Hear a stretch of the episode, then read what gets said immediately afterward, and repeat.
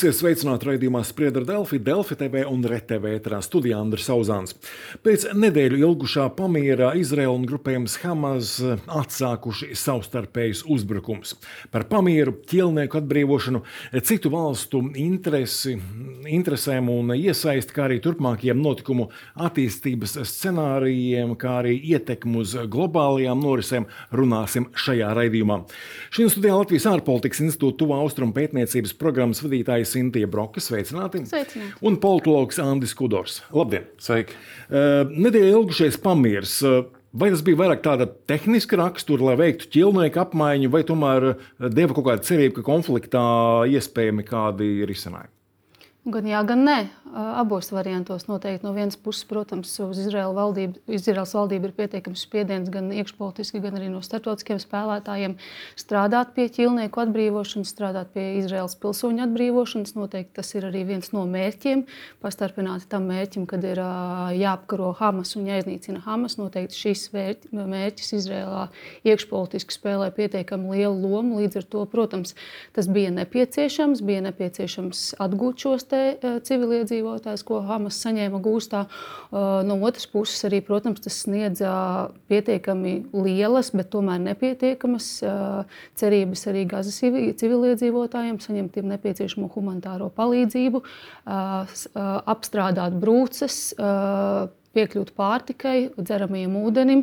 Līdz ar to abos gadījumos šie ieguvumi noteikti ir gan, gan no Izraels, gan no Palestīnas iedzīvotāju puses Gazā.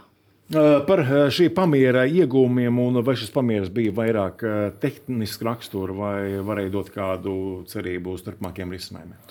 Uh, Izraels puses pārstāvis, uh, viens no Izraels puses pārstāvjiem to nosauc nevis par pamieru, bet par operatīvo pauzi. Akcentējot to, ka miers un pamieris ar teroristiem nav iespējams. Tas, ko mēs redzam no Izraels pārstāvju puses retorikas, ir mainījusies salīdzinoši ar iepriekšējiem gadiem. Izraels puse ir, tātad valdības puse ir izlēmusi ļoti strikti īstenot savus mērķus, tātad likvidēt Hamas. Līdz ar to viņa retorika arī ir atšķirīga. Jā, ir starptautiskais zināms spiediens uz Izraelu, arī ASV, kas ir ciešākais partneris nacionālās drošības jautājumos Izrēlai, aicina uz tādām neka, no kara brīvām zonām, lai būtu kur civiliem iedzīvotājiem slēpties. To Izraels puse īsteno. Katrā ziņā viņi saka, ka viņi to īsteno. Tiek dots iespējas eh, arābiem tur doties civiliedzīvotājiem. Katrā ziņā Izraels spēki gatavojas eh, to, ko viņi darīja Gazas ziemeļos, darīt arī dienvidos. Ja? Un, un jau viņi dara, bet tātad, lai, lai visu teritoriju atbrīvot no, eh, no teroristiem, ir mainījusies retorika. Tā Izraels uh, 93. gada pamieris, eh, jeb pareizāk ne pamieris, ja, vienošanās, kur bija deklarācija, kur eh, Itskaks Rabīns bija no Izraels puses, tur bija Arafats. Eh, tā vienošanās, un pēc tam 2006. un 2007. gads, kad Izraels spēki bija pametuši gāzi, izrēliešiem nav devuši to, ko, uz ko viņi cerēja. Viņi redz, ka terorisms nemazinās, un šoreiz mēs varam redzēt, būs cita pozīcija, citi soļi. Viņi būs daudz stingrāki no Izraels puses. Par uh, Izraels armijas virzīšanos uz dienvidiem mēs vēl uh, parunāsim atsevišķi, bet uh, gribēju pajautāt, kā tas pamieris tika panākts. Nu, es teiktu, tas ir. Kas bija iniciatori? Iniciatori noteikti bija Amerikas Savienotās valstis. Ļoti īsu brīdi pēc 7. oktobra uzbrukumiem Izrēlā, protams, Amerikas Savienoto valstu pārstāvji Blinkenkungs un pats Baidens devās uz reģionu. Ne tikai uz Izrēlu un Palestīnas pašpārvaldes teritorijām rietumkrastā, bet devās arī uz citām reģionu valstīm, uz Eģipti, uz Jordāniju. Līdz ar to diplomātiskās sarunas jau aizsākās tajā brīdī. Tāpat arī, protams, pats reģions ir ārkārtīgi ārkārtīgi interesēts Jordānija, Katara, arī Eģipte uz šo humanitāro paužu klātesamību šajā reģionā un maksimāli civiliedzīvotāju bojājas samazinājumu. Līdz ar to nu, tas bija savā ziņā noteikti diplomātijas rezultāts. Diplomātijas rezultāts, ko galvenokārt operēja Eģipte un Katura, bet, protams, ne bez Amerikas Savienoto valstu. Kāda bija šo starpnieku valstu interese Eģipte, Katara? Mēs redzam, tie, kas ir tādi mēramie, mērenie musulmaņi, kas nav radikālā islāmisma karoga vicinātāji, tie, protams, ir interesēti, ka tas nepārvēršas par reģionālu karu un globālu karu. Ja? Turīgās, eh, teiksim, tās valstis, kas ir ar lielu islāma ticīgo īpatsvaru, bet kuras ir ļoti turīgas, Nu, viņas grib turpināt tā. Ja? Viņiem, teiksim, viņu dzīvesveids viņus apmierina. Ja? Liela iegūma. Viņiem ir ko pazaudēt. Viņiem ir ko pazaudēt. Jā. Un pat ja tur ir teiksim, atsevišķi spēki šīs valstīs, kas arī palīdz teroristiem, tad kopumā tā valdība pozīcija varbūt drīzāk daļa. Es nerunāju par visiem, bet daļa. Tāpēc arī mēs redzam to palestīniešu. Arābu uzņemšana citās valstīs nemaz īpaši tik labi neveicās. Ja pat Eģiptē. Un Eģiptē tur ir ciešāk sakari bijuši sevišķi sevišķi musulmaņu brālības laikā, kad pa tuneļiem arī tika piegādāti uz Gazas sektoru ieroči. Bet jā, ir šis starptautiskais spiediens, ir, jā, nu, ir ne gluži vienmēr spiediens, bet ir valstu ieinteresētība. Varbūt daudz maz to kontrolēt, bet tomēr te jāuzsver arī tā Izraels pozīcija. Ja? Viņi, viņi jau nevēlas, val, Izraels valdība nevēlas, ka civiliedzīvotāji iet bojā arī Arābu pusē. Tāpēc tas viņiem apgrūtina teroristu iznīcināšanu un šīs Hamas kā organizācijas likvidēšanu. Es domāju, tā interesētība, ka neied, es pat teiktu, ka Hamas nav sevišķi ieinteresēta, ka civiliedzīvotāji neiet bojā. Viņi tur paši savus iedzīvotājus kā ķīlnieki zināmā mērā. Un viņi ir interesēti, jo viņi zina, ka pie katriem arābu civiliedzīvotāju bojājas starptautiskais spiediens uz Izraelu palielināsies. Ja, mēs redzam uh, barbarisku pozīciju un rīcību pat pret saviem iedzīvotājiem, kā pret ķilniekiem no Hamas puses, kas veido tuneļus zem slimnīcām. Uh, runājot vēl par uh, šo ķilnieku apmaiņu, um, tad, tad pamieru laikā Hamas un citu kaujinieki Gazas joslā atbrīvoja vairāk nekā 100 ķilnieku, no kuriem lielākā daļa bija izrēlieši, apmaiņā pret 240 palestīniešu atbrīvošanu no Izraels cietumiem. 100 pret 240. Kāpēc ne 100 pret 100? Nu, tāpēc, ka Izraels pusē, protams, nu, nu, šīs proporcijas vienmēr arī vēsturiski, ja mēs raugāmies uz, uz, uz ķīlnieku atbrīvošanas apmaiņas apmēriem, vienmēr ir bijis uh, Palestīnas ieslodzīto skaits daudz lielāks apmaiņā pret, pret, pret Izraels ieslodzītajiem. Bet tāpat laikā nu, tā kobilde patiesībā par to, cik liels ir Palestīnas ieslodzīto iedzīvotāju skaits Izra, Izraels cietumos, ir daudz lielāks. Kopš, kopš 7. oktobra 1 vien ir vairāk kā 3000 ieslodzītie saņemti ciet rietumkrastā. Kopā ir tie ir aptuveni 7000 ieslodzītie. Līdz ar to tie samēri varbūt ir viens pret trīs tagad šobrīd uz, uz, uz konkrētā pamiera brīdi, bet kopumā nu, no Hamas puses noteikti ir vēl pietiekami liels skaits iedzīvotāju, uz kuriem viņi varētu uzstāt, uz kur, kurus viņi varētu atbrīvot. Tās proporcijas vēsturiski ir bijušas vēl lielākas. Viens pret tūkstots ir bijis pirms, pirms, pirms, pirms, pirms desmit gadiem aptuveni. Līdz ar to nu, nu, grūti tā no mūsu puses teikt, jo, protams, tās savstarpējās diplomātiskās sarunas nav pietiekami plaši pieejamas, bet nu, noteikti nu, kopumā ņemot šīs proporcijas, kas ir Hamas gūstā un kas ir uh, Izraels cietumos atrodas šie palestīnas cilvēki, noteikti nu, tas bija kaut kāds diplomātiskais konsensus rezultāts, pie, kas apmierināja Hamas un kas apmierināja apmierināja arī Izraēlu šobrīd. Tad tās dažādas proporcijas bija tradīcija. Tur ir vairāk aspektu. Viens no tiem ir vispār, kā Hamas raugās uz cilvēka vērtību un cilvēka dzīvības vērtību. Un kā uz to raugās Izraels valdība un vispār Izraela kā valsts.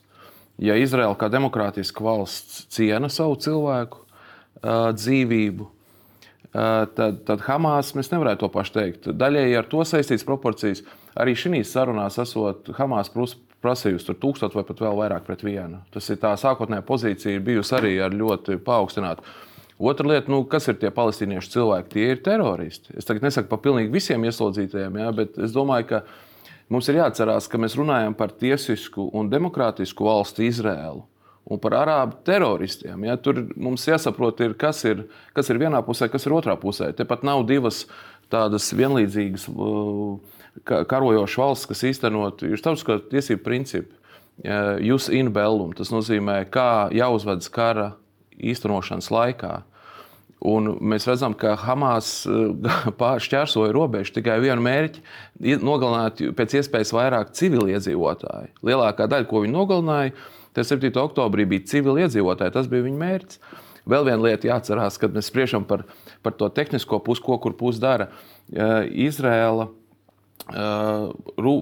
cīnās par savu eksistenci. Tie, tie arābu teroristu atbalstītāji, kas ar Eiropā iziet protesta akcijās un atbalsta akcijās, bija daļa no viņiem kliedz par brīvu Palestīnu no jūras līdz upei. Tas ir sauklis, kas prasa Izraels iznīcināšanu. Ja? Šis, šie, kad mēs runājam par to, ko, ko kurš dara cīņas laukā, jāatcerās visu laiku konteksts lielais. Jā, par lielo kontekstu arī varbūt vēl parunāsim, bet runājot par konkrēti šiem ķilniekiem, tad Hamas gūstā gazas joslā joprojām atrodas vismaz 136 ķilnieki. Tāpēc pamiera pārtraukšanas paziņoja Izraela. Kāds varētu būt viņu liktenis, viņu atbrīvošanai varētu būt vēl kāda šāda te, tehniskā pauze kara darbības laikā noteikti?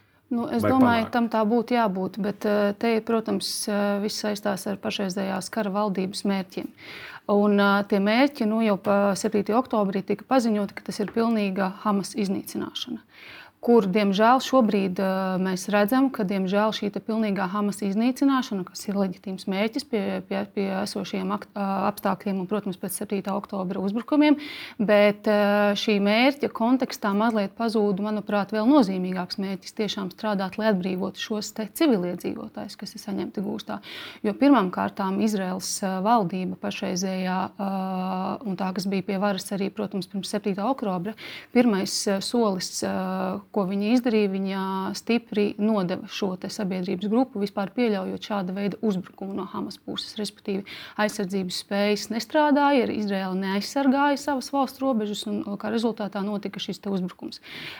Notika ķilnieku saņemšana. Līdz ar to tas ir pirmais punkts, kur Izraels valdībai ir jābūt atbildīgai pret saviem iedzīvotājiem. Un otrais punkts, ja šobrīd aktīvi tiek strādāts pie um, gan rietumkrastā, gan arī Gazas teritorijas pie masveida palestīniešu palestīniešu etniskās iznīcināšanas, tad, diemžēl, izskatās, ka šobrīd šis mērķis atbrīvot savus valsts iedzīvotājus, paliek otrajā plānā mērķim iznīcināt Hamas, kas, protams, ir leģitīms un viņš var pastāvēt. Bet es, ar, ko es ar to gribu teikt, ka šim mērķim un šīm sarunu vešanas procesiem noteikti ir jāturpinās ar galveno mērķi šajā kontekstā atbrīvot uh, Izraels civilizētājus. Kā jums šķiet, būs vēl kāda tehniskā pauze?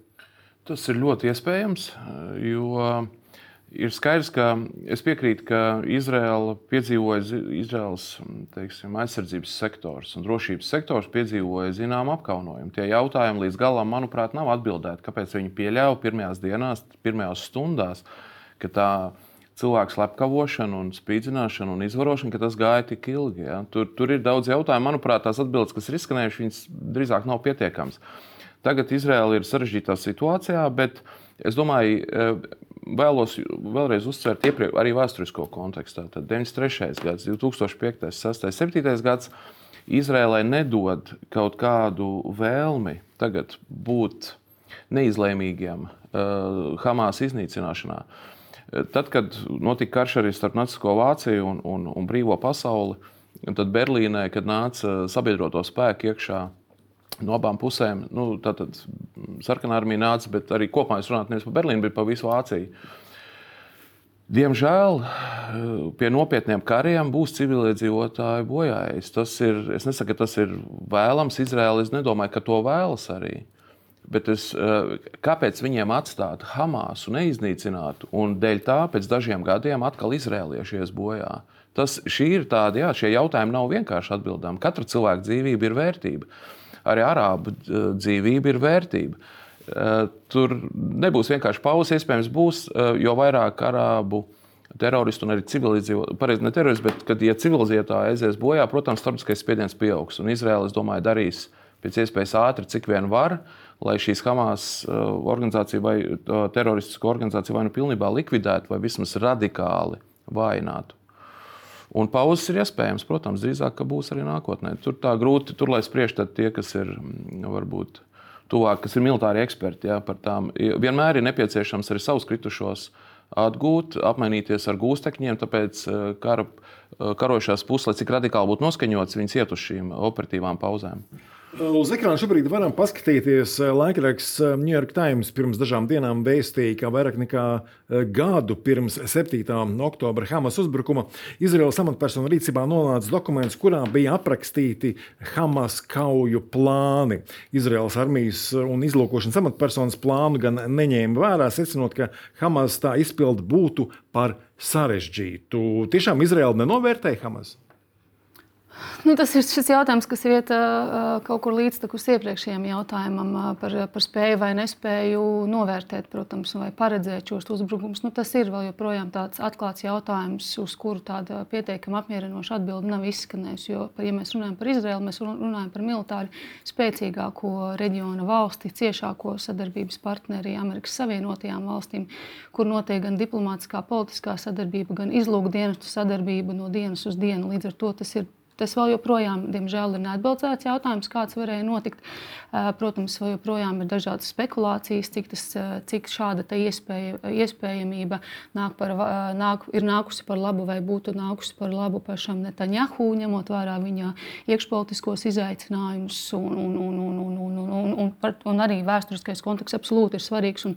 Arī tādā kontekstā, ka ne jau lai šobrīd attaisnotu Hamas noziegumus, bet gluži vienkārši lai saprastu to vardarbības līmeni, kas starp šīm abām nācijām gadu desmitiem ir noritējis, un īpaši pēdējā gada ietvaros, tad, protams, mēs redzam, ka ārkārtīgi plašās setleru kustības rietumkrasta teritorijās ir rezultējušās tajā, ka Hamas ir ticis spēcināts patiesībā no pašas Izraels valdības puses, ka šī uzmanība nav bijusi pievērsta tieši tam, kas notiek Gazā, tādā apmērā, kā varbūt to sagaidītu gan starptautiskā sabiedrība, bet īpaši Izraels, Izraels sabiedrība. Nu, bet izrēlieši taču atstāja to gazas sektoru ar domu, nu, tā tad, nu, lūk, palestīnieši, jā, gazas sektora iedzīvotāji, lūk, tad veidojiet savu Singapūru vai ko viņi tur teica, Hongkongu, ko viņi izveidošot. Nu, ko viņi izveidoja? Jā. Te ir, es domāju, arī vēl, kad mēs vērtējam kaut kāda potenciālā pretinieka uzbrukšanu vai neuzbrukšanu, ja mēs vērtējam no tādas civilizētas perspektīvas, un mēs vērtējam tādā racionālā kalkulācijā, būs izdevīgi vai neizdevīgi rezultāti, tad mēs varam kļūdīties vērtējot barbarus. Tādus, kas nemaz nespriež ne par savām, savu iedzīvotāju interesēm, ja? ne par savām kaut kādām ilgtermiņa interesēm. Bet viņu mērķis ir karš. Tur mēs varam kļūdīties, vērtējot. Tādā ziņā es negribu arī pārāk to Izraels drošības sektoru nosodīt ar, ar domu, jo tas, ko es dzirdu arī no Izraels ekspertiem, no viena otra, ja, ka viņi saka, ka nu, viņi bija tādā mm, zināmā labticībā. Uh, un tādā racionālā kalkulācijā. Tas nebūs izdevīgi pašam Hamas, kas pašlaik tiešām arī notiek. Hamas... Kaut kādām sazvērstības teorijām jūs pamatu nesaskatāt, ka mm, būtu teiksim, mm, Izrēlai izdevīgi eh, sagaidīt lielu uzbrukumu, lai atrieptos tā kārtīgi. Nu, sazvērstības teorijas vienmēr pastāv. Es varu atbildēt tikai, es nezinu ko, kas, bija, kas bija viens puses prātos un otrs puses prātos. Eh, es pieļauju iespēju, ka līdzīgi kā bija par Putina eh, karu, karu ja, ja racionāli mēs vērtējam, tas bija neizdevīgi kaut kādā ziņā. Ilgtermiņā Krievijai noteikti neizdevīgi, Putinam arī neizdevīgi. Vienalga ir cilvēki, kas ir gatavi karot. Tās mūsu kalkulācijas mums ir jāsaprot, ka jādomā ir drīzāk tā pretinieka veidā. Ja, es, es, pieļauju, ka Izraels puse nu, līdz galam nesaprata, kas ir Hamas galvās. Tas, ka viņi viņus nepieskatīja, te ir otrādi. Te ir, tā bija kaut kāda Izraels vēlme nu, dot iespēju un brīvību. Izraela, es atgādinu, viņi izgāja ārā 2005. gadā. Kas notika? Hamas, Hamas teroristi nogalināja FATH deputātus. Nogalināja. Tas ir kādi, ar kādiem cilvēkiem šeit ir darīšana vispār. Jau atgriežoties pie šīs dienas aktualitātēm, šodien lasām, ka Izraela paplašinājusi sauszemes operāciju Gāzes joslā, aptverot visu tās teritoriju, proti, tad virzās uz uh, dienvidiem. Vai jau iepriekš bija skaidrs, ka Izraela neaprobežosies tikai ar uh, Gāzes joslas ziemeļdaļu? Tas bija skaidrs, jo arī jau, jau pirmajos paziņojumos no valdības puses, Izraels valdības puses, izskanēja paziņojumi par pilnīgu Gazas teritorijas iznīcināšanu. Protams, kas tika skaidrots arī ar šo Hamas kaujinieku meklējumiem un, un, un, un, un, un, un nogalināšanu. Bet, Bet sākumā iedzīvotājiem visiem teica, dodieties uz dodiet, dienvidiem. Tieši tā, un, un, un, un, un arī pirmie, pēc pirmajām pavēlēm aicinājumiem doties uz dienvidiem neilgi pēc tiem tika teritorijas kuras atrodas šajos plūsmas ceļos, tika apšaudītas. Līdz ar to šobrīd tas arī nu, apskatniekiem tas nav nekāds pārsteigums, ka, ka šāds lēmums ir pieņemts. Protams, tas atkal aktualizē tos pašus jautājumus, kas jau ir bijuši aktualizēti no, no sākta gala par, par, par motivācijām un mērķiem un par šo te, nu, kopējo civiliedzīvotāju bojāju. Šobrīd mēs runājam par vairāk nekā 15,000 civiliedzīvotāju nogalinātiem Gazas teritorijā, un tie visi nav teroristi.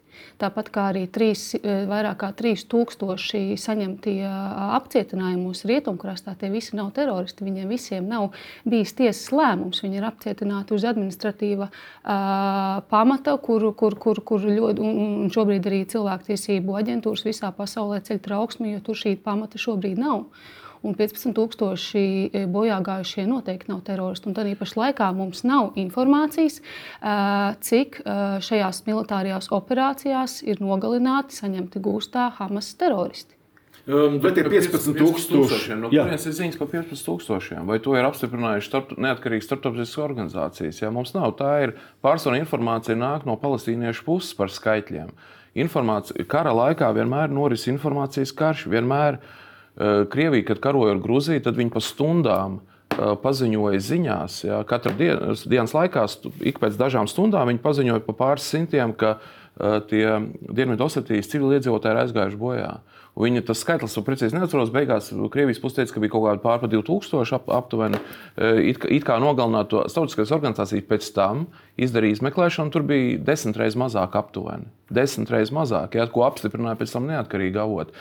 Es piekrītu, ka nedrīkst vispārināt. Nevar saukt visus arābus un visus, kas dzīvo Palestīnā, Gazas sektorā par teroristiem, protams. Bet ir jāatcerās arī, ka virs 60 Hamāsu atbalstīja līdz karam šim tātad oktobra. Uh, virs 60%, nedaudz aptuveni 63%.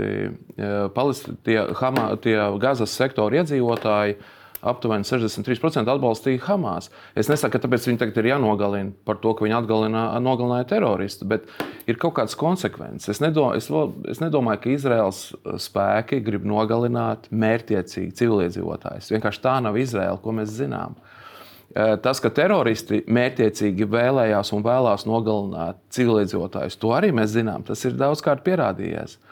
Diemžēl kara laikā iet bojā civiliedzīvotāji. Es domāju, tas, ka viņus aicināja pāriet uz dienvidiem, kur vēl viņus varētu aicināt aiziet, ja, ja, ja pirmās operācijas bija ziemeļos, ja, gāzes sektorā.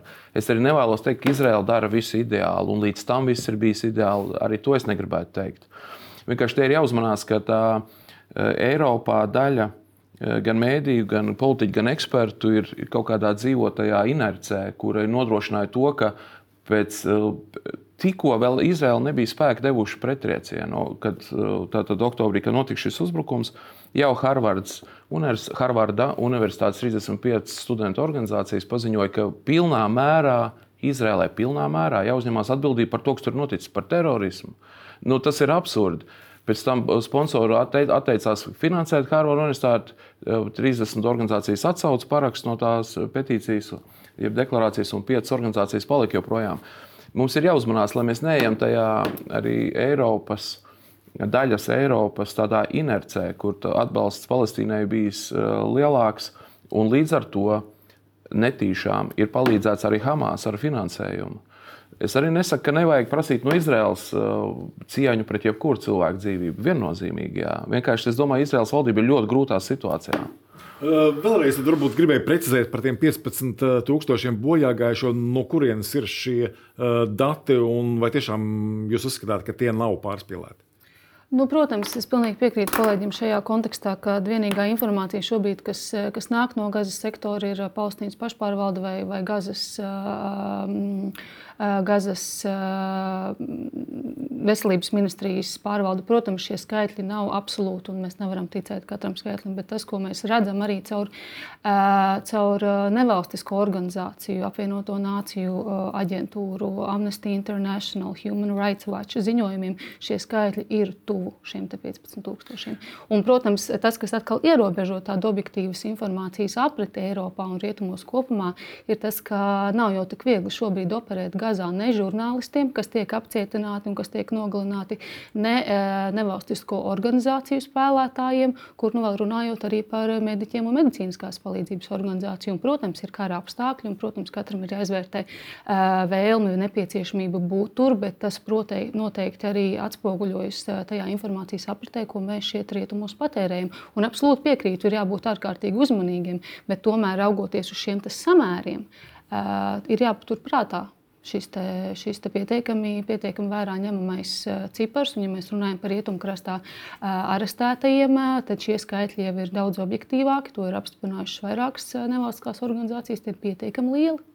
Tagad vēl par to, kas notiek šobrīd. Ja kara-darbība turpmāk koncentrēsies Gāzes joslas dienvidu daļā, vai iedzīvotāji varēs patvērties, piemēram, tajā ziemeļdaļā, vai tur vispār vēl ir kaut kas palicis neiznīcināts?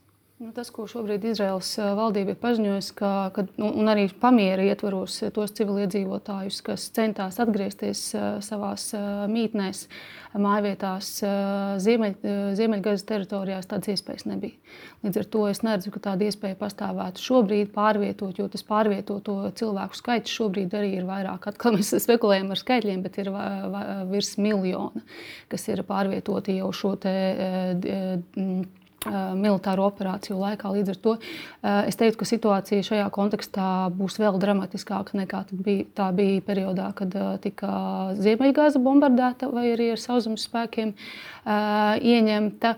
Kur šiem cilvēkiem palikt, tas ir, protams, jautājums. Mēs varam atkal runāt par, par robežu atvēršanu ar Eģipti, Rafas robežas atvēršanu. Mēs varam runāt ar, ar, censties runāt ar, ar Eģipti, bet mēs zinām arī reģiona valstu attieksmi šajā jautājumā, ka viņi neuzskata, ka viņiem būtu jāuzņem šie palestīnas bēgļi. Gluži vienkārši atsaucoties uz argumentu, tik līdz šie bēgļi pamatīs šīs teritorijas, viņiem atgriezties iespējas vairāk nebūs. To ir rādījusi vēsture, un tas ir galvenais, galvenais arguments, ko izmanto izmanto gan Jordānija, gan arī Ēģipte, kad Izrēla, un šeit mēs arī pie tāda pietiekami kontroversiāla jautājuma varam nonākt. Uh, Mm, par, par ko politiski nepastāv vienošanās. Un, protams, arī pati Izrēlā to neatzīst, ka Gaza un Rietumkrasta teritorijas viņas kopumā starptautiskajā sabiedrībā ir atzīts, ka ir okupētas. Arī ANO to ir atzinuši. Līdz ar to uh, okupācijas varai būtu jāuzņemas atbildība par šīs uh, okupēto teritoriju iedzīvotāju uh, spējām eksistēt, dzīvot, pastāvēt un piekļūt uh, humanitārās nepieciešamības jautājumiem. Uh, es apzinos uh, šī jautājuma sensitivitāti, bet Tas ir, protams, Izraels vēršanos pret terorisku organizāciju, bet jāpatur arī vēsturiskajā kontekstā un vispār šī uh, konflikta kontekstā tas, ka Izraela šajā gadījumā attiecībā uz Gāzu un uh, Rietumkrasta teritorijām ir okupācijas vara. Un, lai arī, protams, savus spēkus tā ir izvedusi, uh, Gāza ir bijusi pilnīgā Izraels kontrolē uh, kopš, uh, kopš spēku atcelšanas. Arī šobrīd Gāza uh, Izraela kontrolē. Uh, rietumkrasta ieņēmumus, kas saistās ar eksporta precēm šobrīd Palestīnas teritorijās, Palestīnas Palestīnas pašpārvaldes nav saņēmusi šos te, budžeta ieņēmumus no Izraels jau divus mēnešus, kas ir sava veida finansiālās sankcijas arī, arī, arī Palestīnas pašpārvaldei, kas tiešā mērā skar rietumkrasta iedzīvotājus. Un, protams, tajā brīdī, kad vidējiem civiliedzīvotājiem rietumkrastā viņš nav saņēmis algu, viņam nav iespēja pabarot savus bērnus.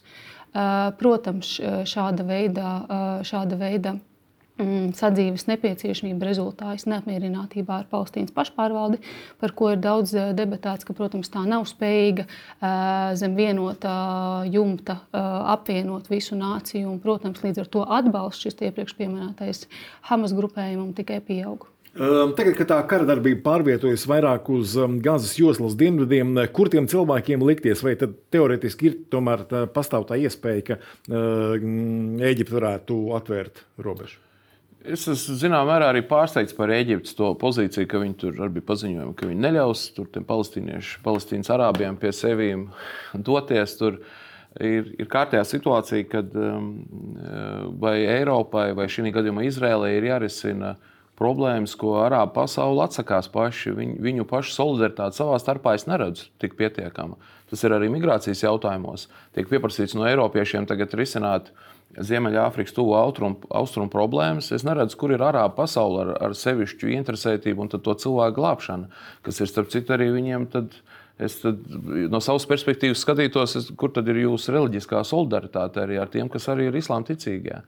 E, tur ir jautājums arī pašai arā pasaulē. Te jāsaprot, ka Eiropieši nepārtraukti uzņemās par daudz atbildības par daudz ko. Un, un, uh, Es atgādināšu, ka vairāki desmit tūkstoši gazas iedzīvotāji strādāja pārējā Izraēlas teritorijā, un Izraēla viņiem ļāva ilgu laiku tur būt. Tā, nu, tā Izraels valdības kontrole pār gazas teritoriju tomēr es nesauktu par tādu absolūtu. Ja. Kopumā, jā, ir saprotams, ka geogrāfija spēlē savu, bet mēs, mēs redzam, ka Uh, rietumkrastā tomēr jā, pie visām problēmām, kas tur ir, tur nav tāda veida tik liela terorisma, kā Gazas sektorā izveidojās tur, kur ļāva Hamas valdīt.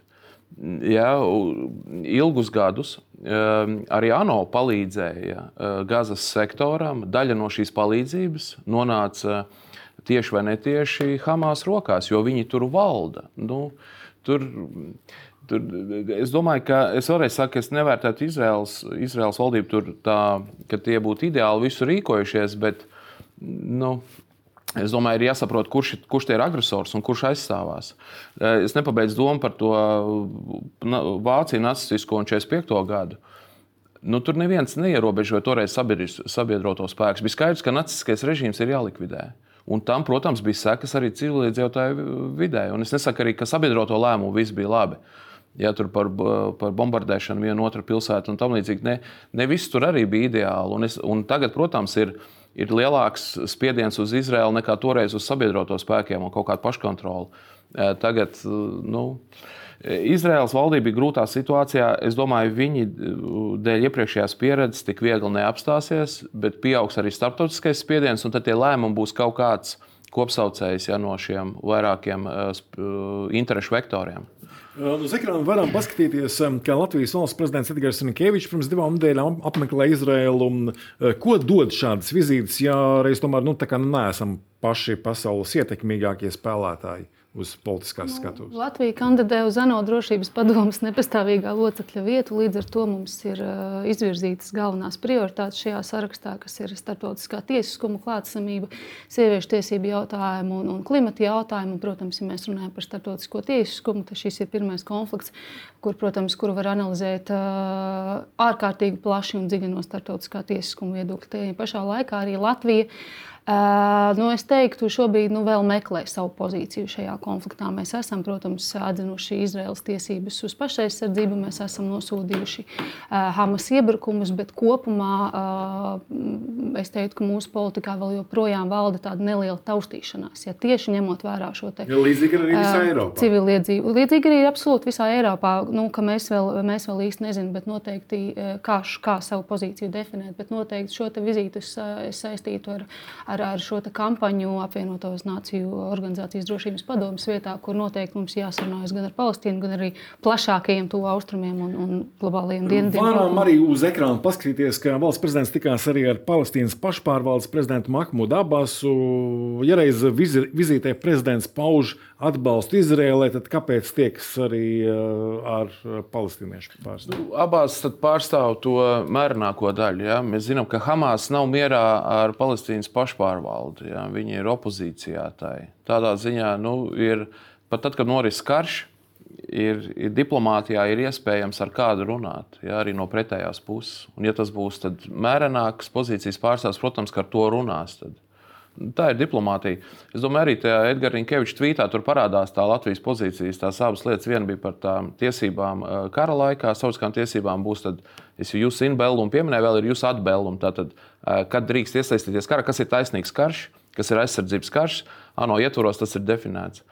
Un, tā, un otrs tur bija pieminēts arī Rinkeviča tvītā par tām humanitārām tiesībām. Un tad būs tā, būtu tā uzmanība arābiem ja, par to, ka lai viņus tur neiznīcina, lai būtu humanā palīdzība, lai Izraela arī dot, veidot visādus koridorus un tā tālāk, un pēc iespējas cik vien var samazināt civiliedzīvotāju bojāju. E, Eiropas tāda, es teiktu, tie arī druskuļi ideoloģija, tie ir vēl reliģiskais faktors, ko mēs nepieminam, un ideoloģija faktors. Ja. Tur, kur būs tādi kreisi noskaņoti eiropieši, Tie parasti nesaka, ne vispār ir absolūtos skaitļos, bet parasti tie liecās par labu Palestīnas nostājai. Ja? Lai arī PSRS Staļina laikā atbalstīja Izraels arī izveidi, tad pēc tam PSRS bija palestīniešu pusē un tad varbūt ASV un, un, un rietumi. Sevišķi konservatīvie rietumi ir vairāk Izraels pusē. Tas pats ir Amerikā. Republikāņi, kas ir konservatīvāki, ir vairāk uh, par Izraels valdības pozīciju, un tad demokrāti ir uzmanīgāki arī par uh, palestīniešu interesēm. Noslēgumā vēl gribēju pavisam īsi no jums dzirdēt, vai šis karš varētu kļūt plašāks un ilgāks. Tādas iespējas pastāv. Tādas iespējas pastāv tieši ņemot vērā arī Irānas pozīcijas un nostāju šajā jautājumā. Mēs redzam arī, ka Izra Irānas atbalstītie proksī grupējumi reģionā ir aktivizējušies. Mēs pēdējās dienās, nedēļās redzam arī Hutī nemiernieku uzbrukumus kuģiem Sarkanajā jūrā. Mēs redzam, ka regulāri notiek arī apšaudes ar Hezbollah Libānā. Tāpat arī mēs redzam ekstrēmistu grupējumu aktivizēšanos Irākas teritorijās. Līdz ar to es teiktu, ka Atbildot īsumā, jā, ka, ka, ka kara eskalācija ir, e, ir pietiekami nopietns attīstības scenārijs. Jā, dažos vārdos par, par šo, cik. E, jā, iespēju nevar izslēgt. Cerēsim, ka nē. Iespēju nevar izslēgt. Es domāju, manuprāt, ja tas būtu lielais mērogs palielinājies, viņš jau būtu noticis iepriekš. Jā. Cerēsim, ka tas neaizies tālāk, bet pilnīgi izslēgt nevar. Ir tas pats, Jā, Libāna. Tur ir 12% Libānas iedzīvotāji, ir palestīnas arābu, kas tur dzīvo. Uh, Hezbollah tur operē. Pilnīgi izslēgt nevar, bet uh, es tikai varu izteikt cerību, ka drīzāk nepāries uz lielu mērogu kara. Uh, Tie arī saka paldies um, raidījumu viesiem. Nākamais spriedra Delfija raidījums ēterā rīt. Um, tajā runāsim par sarežģīto situāciju pašvaldību budžetos nākamgad. Šodien paldies, ka skatījāties uz tikšanos!